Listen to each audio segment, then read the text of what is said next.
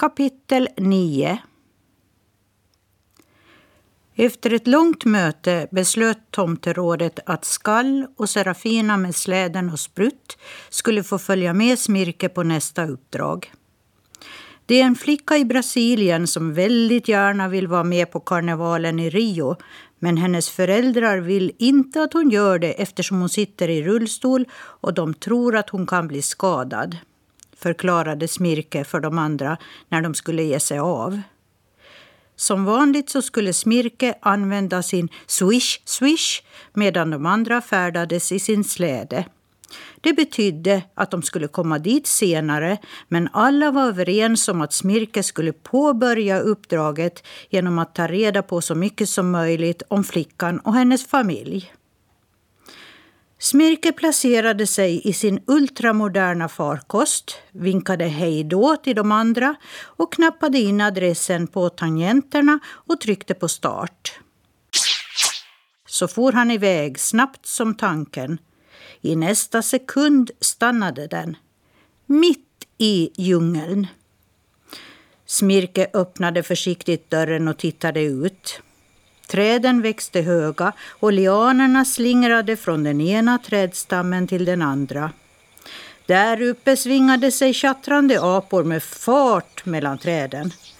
Färggranna fåglar dök med ett vinande ner mot honom och upp igen och mellan träden kunde han ana ett stort djur som var brunfläckigt. Det rörde sig tyst och smidigt mot honom och han skyndade sig att förvandla swish-swishen till en apa och vände på sin luva så att han själv blev osynlig.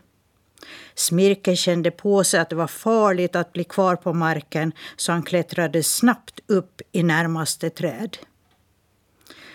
Det stora djuret smög fram mot swish-swish-apan och kastade sig över den och började äta upp den medan Smirke förfärat tittade på.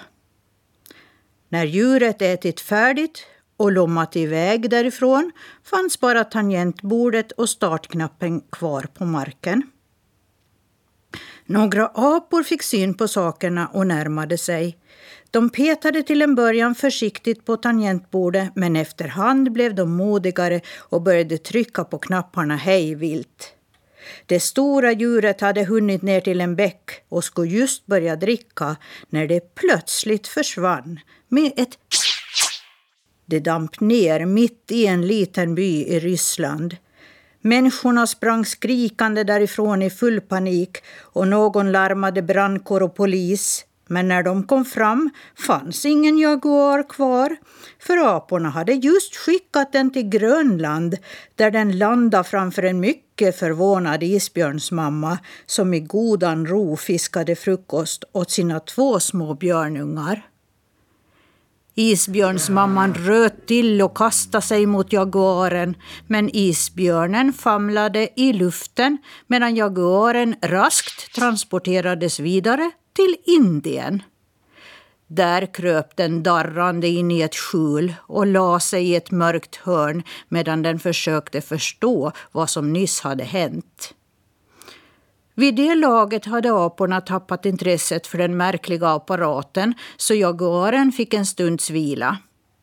Smirke passade på att plocka upp tangentbordet och startknappen och stoppa ner dem i rensen.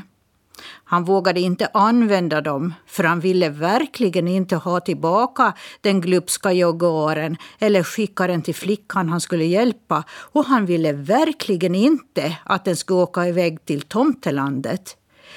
Även om han nog visste att tomtarna hade tillräckliga kunskaper om magi för att handskas med alla sorters djur men den kunde ställa till stor skada innan de hann tämja den.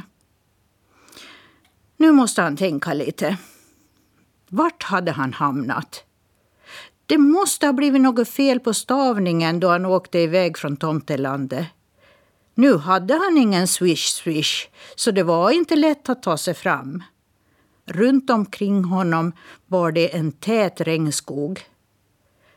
Smirke tog fram den interaktiva kartan och frågade den var han var.